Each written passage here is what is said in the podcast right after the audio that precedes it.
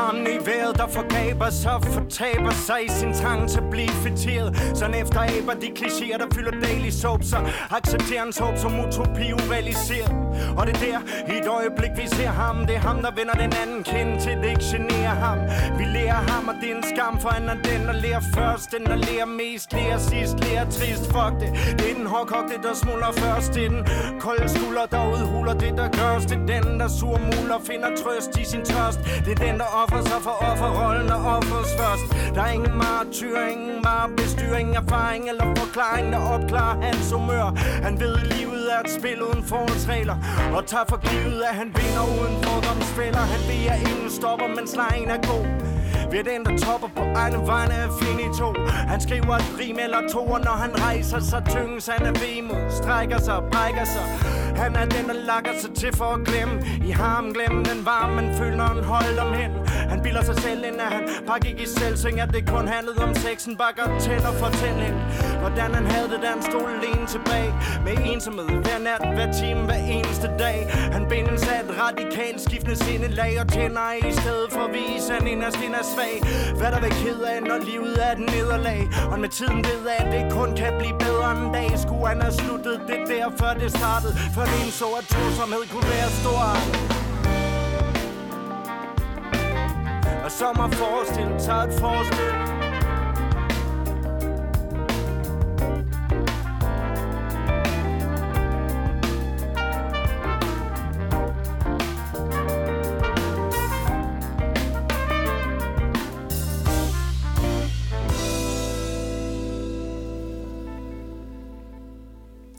Góður áherindur, verið hjertanlega velkomnir að hátalarunum. Forspil á dönsku í upphafið þessa þáttar af engu öðru tillefni en hversu hugulegt að að heyra dönskuna í ofinnilegu samhengi.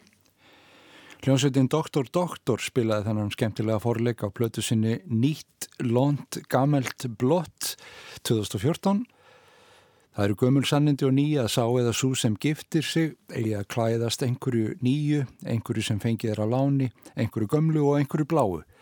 Þetta getur líka átt vel við músikina þar sem fer vel að blanda saman nýju og gömlu, bláum og gjör nýttum gömlum tónum.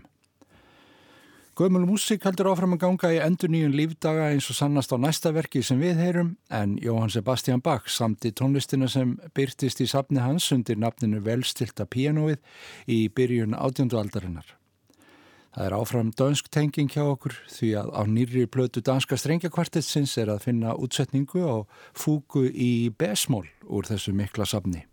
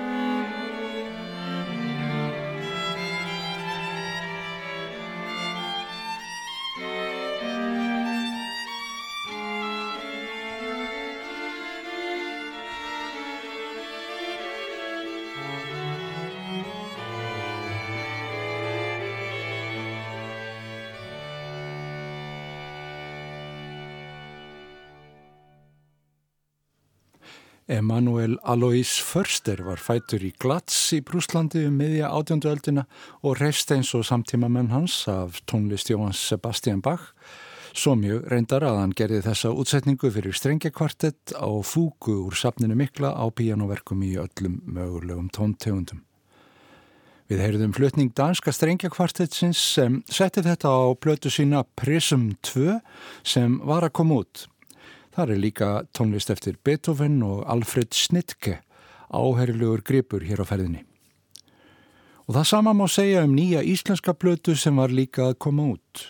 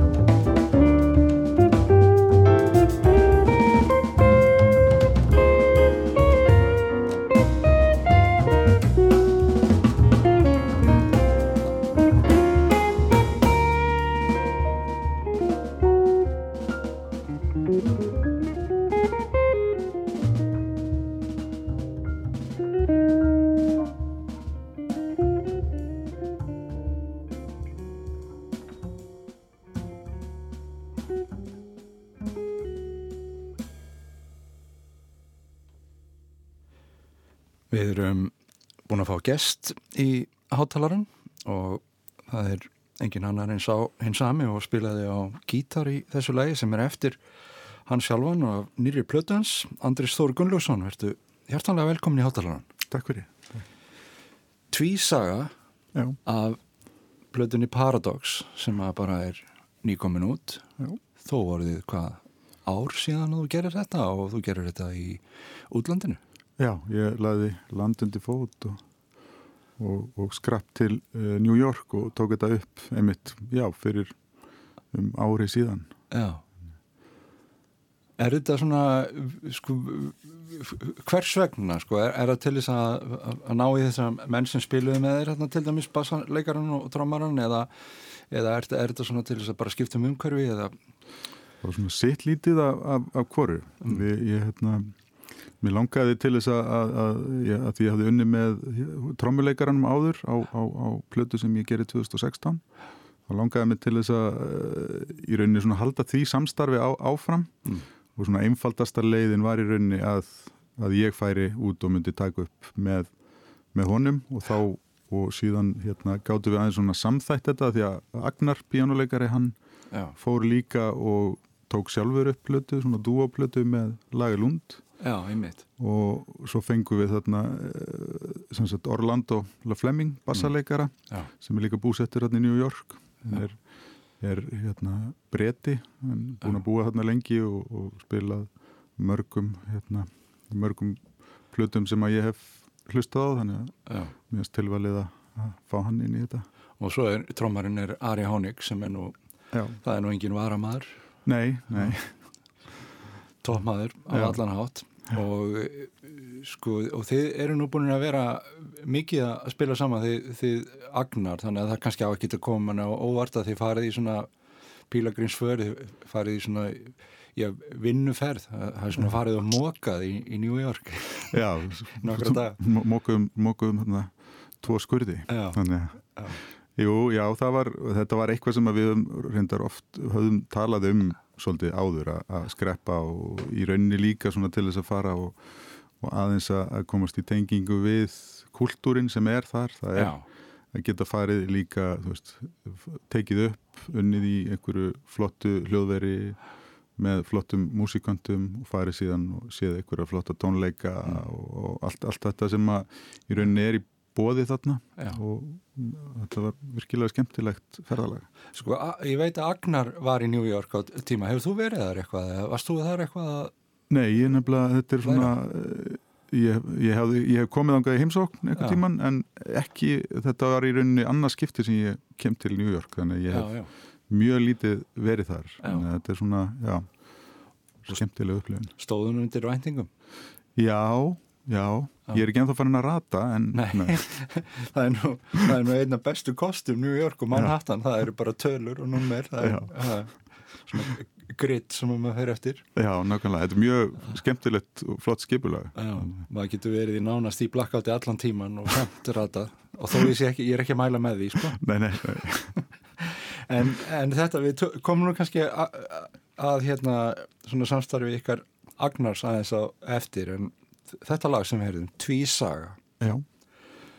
Og ma mann velti, velti fyrir sér sko að það er, það er nú talað um að manni, manni verði tvísaga í, og það, það er nú ekki sérlega gott sko Nei. að láta hanga sig á að hafa sagt eitthvað og segja svo eitthvað annað síðar. Já, en hvernig það, það er nú kannski ekki endilega slæmt í jazzmusika að verða tvísaga Nei, mm. það, er, þarna, það er í rauninni svolítið tilgangurinn með þessu að reyna að segja sem sjálfnast sömu söguna. Já, fyrirlegt Já, stórfyrirlegt en í rauninni nafnið kemur í rauninni til þannig að, að ég hérna, það, þetta hétt uppalega bara saga að því ég, ég samtið þetta ég, það er trommubít hérna, Manu Katse af, af hérna svona app í símanu sem heitir Drum Genius og það eru svona lúp, oh. Trommulúpur og ég eiginlega setti eina lúpu í gang sem að er sko Manu Katse að spila hérna trommubít af plötu sem heitir Ragas and Sagas með Jan Garbarek. Aha. og lagi kom einhvern veginn til mín þegar ég var að spila þetta Já. lag og síðan fór ég að vinna þetta meira. Og þá var, þá fannst mér hérna, þá kom í rauninu önnur laglína ofan að þetta, þannig ég var Mm. með eina laglínu í gangi Já, og svo heyrði ég að ég gæti spila aðra laglínu yfir hana, þannig eins og í þessu lagi þá er, þá byrja ég lagið þar sem ég er að spila upprunlegu laglínuna, bara einn já, og síðan kemur bandið inn og þá spila ég nýju laglínuna og Agnar spilar upprunlegu laglínuna. Og við láta það svona rúlla saman. Þannig kom titillin tvísaga til. En er, er þetta þá, sko, það hljóma nú eins og þetta renni bara upp úr þér? Er það, er það þannig? Er, kemur þetta auðvöldlega til þín eða? stundum gera Já, það já. In, en ég, þú veist, ég á alveg stundir þar sem ég sitt við piano eða gítar og er að reyna að semja eitthvað og það kemur ekkert að vita. Þannig, en svo svona e- einstaka sinnum þá, þá svona eins og í þessu tilviki þá bara svona einhvern veginn rúla þetta upp og, og, í, já, og, og þetta er svona kannski aðferð að finna eitthvað, þú veist, það er eitthvað trommubít í gangi og þá þarf ég bara að spila með því Já, og svo að reyna í rauninni að svona hérna, ná utanum hvað, hvað kom en ertu, ertu harður við þig, sko, að þú segir að, að, stundu kemur ekkit að viti, en, en sko, Já. veit maður það alltaf, sko, hvort það er eitthvað viti í þessu sem, er, sem er að koma? í rauninni ekki Sumir sem ekki réttur í röði til dæmis, er kemur Já. eitthvað og svo fattaði setna að passar hér. ég, ég hef stundum lent í því að ég er kannski með eitthvað sem að mér finnst uh, ég ekki geta notað Já, en svo setna meir þá kannski vaknar einhver hugmynd sem að lætur það smetla saman. Að, en svo er líka stundum bara gott að, að reyna að finna nýjar leiðir til að semja músík og semja jáfnvel burtu það sem að virkar ekki líka sko. já, þannig að ég hef stundum hérna, náða að gera eitthvað svoleiðis. Já, alltaf með svona eina bók þar sem ég reyna að krassa þetta niður þessar hugmyndir sem ég fæ. Og, og svo kannski er það bara grunnhugmynd sem að mótast eitthvað setna eða er kannski grunnur að einhverju hérna, einhverju svona heilstiftari hugmynd já. sem kemur þá setna meir Já, við skulum fara hérna, við tölum meira um, um svona hvernig mann er skamtað þetta. Það er, hérna, heyrðu hvernig ég leiði inn í skamtafræði nákvæmlega Það næsta lag heitir. Quantum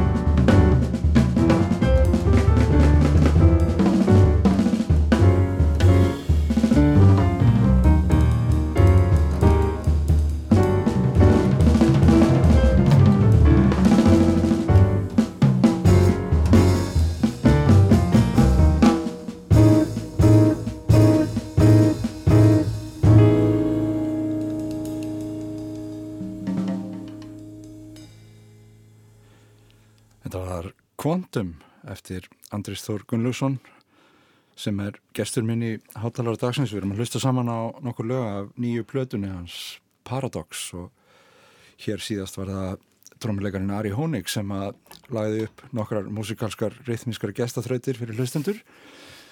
Topp menn hér á ferðinu með þér Andris og hljómar gríðarlega vel. Takk fyrir. Og ímislega sem kemur upp í hugan við að hlusta á þetta fyrst kannski verið gaman aðeins að tala um um svona gítartónin sko, að þið, þið, þú eru valið núna í tvær plötur í rauð að til dæmis að hafa agnar með þér annað hljóman hljóðfari og maður svona veltir fyrir sér af öllum þeim möguleikum sem eru, eru til að þá að velur þessa leið sem er náttúrulega mjög fín. Er það svona til þess að hvað, frelsa upp þinn eigin gítartón? Maður sér fyrir sér að þú væri með svona melodíu hljóðfæri eins og saxofónið eitthvað. Þá væri það svona kannski aðeins fastara í, í skorðum. Já, þá, svona, þá er mitt hlutverk aðeins, aðeins öðrísi mm. þegar ef ég væri með svona, e, svona laglinu hljóðfæri. Já. en það sem ég finnst eiginlega skemmtilegast í þessu er að, að sko tónlistin er einhvern veginn svolítið samin út frá piano ég sit mikið við piano og sem músikina þannig þannig að ég einhvern veginn þetta kallar svolítið á þessa kombinasjón og eins líka leifi mér að vera svolítið hérna söngvarinn í bandinu. Já, já. þessi eilífi draumur. Já, þessi eilífi draumur. Eða, úr því að röttin gerir mér aldrei gott þá, þá reynir ég að láta gítarin hjálpa mér um veit, um veit En sko þú, þú hefur líka, ég tek líka eftir því að þú ert með hérna, það er svona, það er blæbriða munur eftir lögum á Já. svona tóninum Já. sem þú ert með. Sko en það er, það er samt ekki svona eins og sumir gítarleikarar eru svona eins og sko gítarvísindamenn þá kemur alveg nýtt sánd og Já, það, er, það er ekki þannig að ég upplifa það ekki þannig. Þú heyrir það kannski þannig eða hvað? Uh, Nei, ég er, svona, er meira að reyna bara svona aðeins að lita Já. í rauninni og nota kannski einhverja effekta sem, a, sem að aðeins vinna með og svo er þetta líka svona kannski uh, nálgun eins og, eins og bara hvernig, hvar ég slæ á hljóðfærið í rauninni.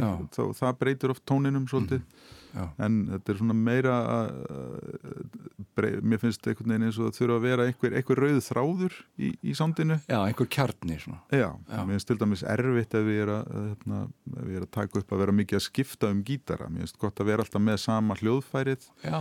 þannig ég geti svona unnið svolítið út frá þeim tóni Uh -huh. ég hef nú einhver tíman áður nota þú veist kannski spila einhver lög á kassagítara eitthvað svo leiðis og það er það, mér finnst það alveg svona skemmtilegt en mér finnst það erfið að vinna með það til, og, og fá hennan svona rauða þráð uh, uh, hljóðlega Þannig að þú ert, að þú ert að spila þetta allt á sama gítarin Já.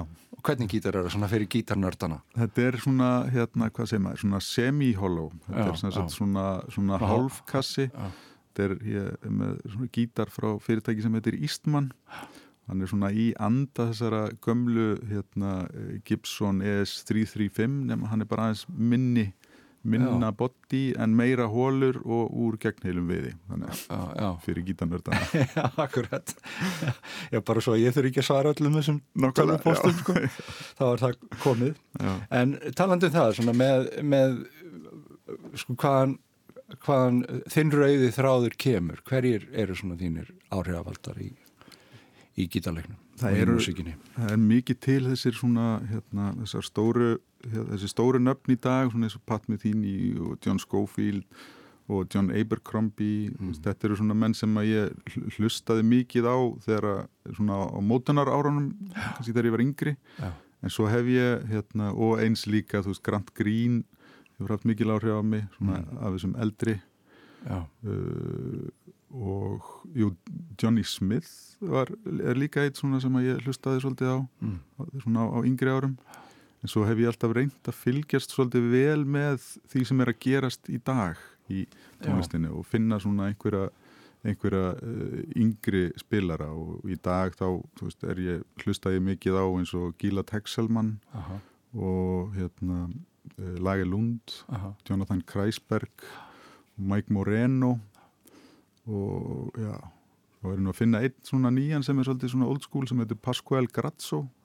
Flottur svona, spila mikið solo gítar, bara svona einn ein á hljóðfæri.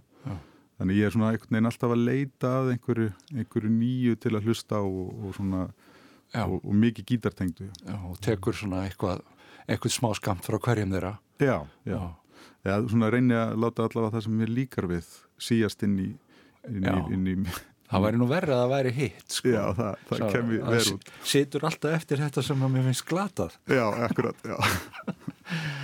En sko það eru svona skemmtilegir skemmtilegir titlar þarna. Við vorum að í kvantum og, og það er svona þessi spurningum er það ekki tengt skamtafræðinni eða jú, jú. minnstu einingarnar? Já það, já, það var í rauninni sko, það eru þarna nokkur lög sem að ég var að semja, þau voru svona að verða til á þeim tíma þegar ég fór uh, að sjá vinnminn sem að var að hljóta svona framgöngu og verða professor HR mm.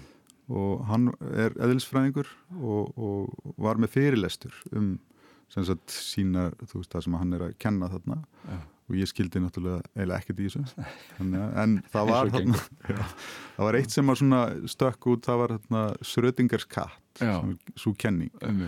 og þá fann, mér fannst það bara hljóma svona skemmtilega og var akkurat að semja það lag á, á þeim tíma þannig að mér fannst tilvalið að, að nota þetta sem titil á það og svo eru þarna tvö önnur lög sem voru að verða til á sama tíma þannig að mér fannst svona mikilvægt að, þau fengjur svona að verða svona smá tríó þannig að Paradox sem er náttúrulega að því að þessi skamtafræði kenning er svona flokkast undir það að vera paradox mm. því að vera svona þversögn eða þverstaða. Og svo hérna því þetta er nú skamtafræðin og þetta lag Quantum er svona ég skamtaði mér sem sagt þrjáru nótur úr hljóm til að búa til þetta riff og Já. þá fannst mér það eiga að vera Já, Quantum, Quantum. Já, en, en mannstu kenninguna um Schrödingers katt? Já, mér, mér rámar ég að þetta sé sem sagt uh, köttunum sem settur í kassa þar sem er eitthvað svona geyslavirt efni og maður veit í rauninni ekki hvort hann sé lifandi eða döður fyrir en maður opna kassan og þá, mm. þá getur maður nú bara sjálfur verið döður eða þannig að þetta er svona hérna Þannig að hugmyndin er svo að í þessari óvissu þá, þá getur hann verið hvort sem er lifandi eða döður Já, Já. það er svona svolítið eins og þegar við byrjum þetta lag við veitum ekkert hvort að það komi lifandi út sko. Nei. Nei, nú opnum við kassan smá saman. Já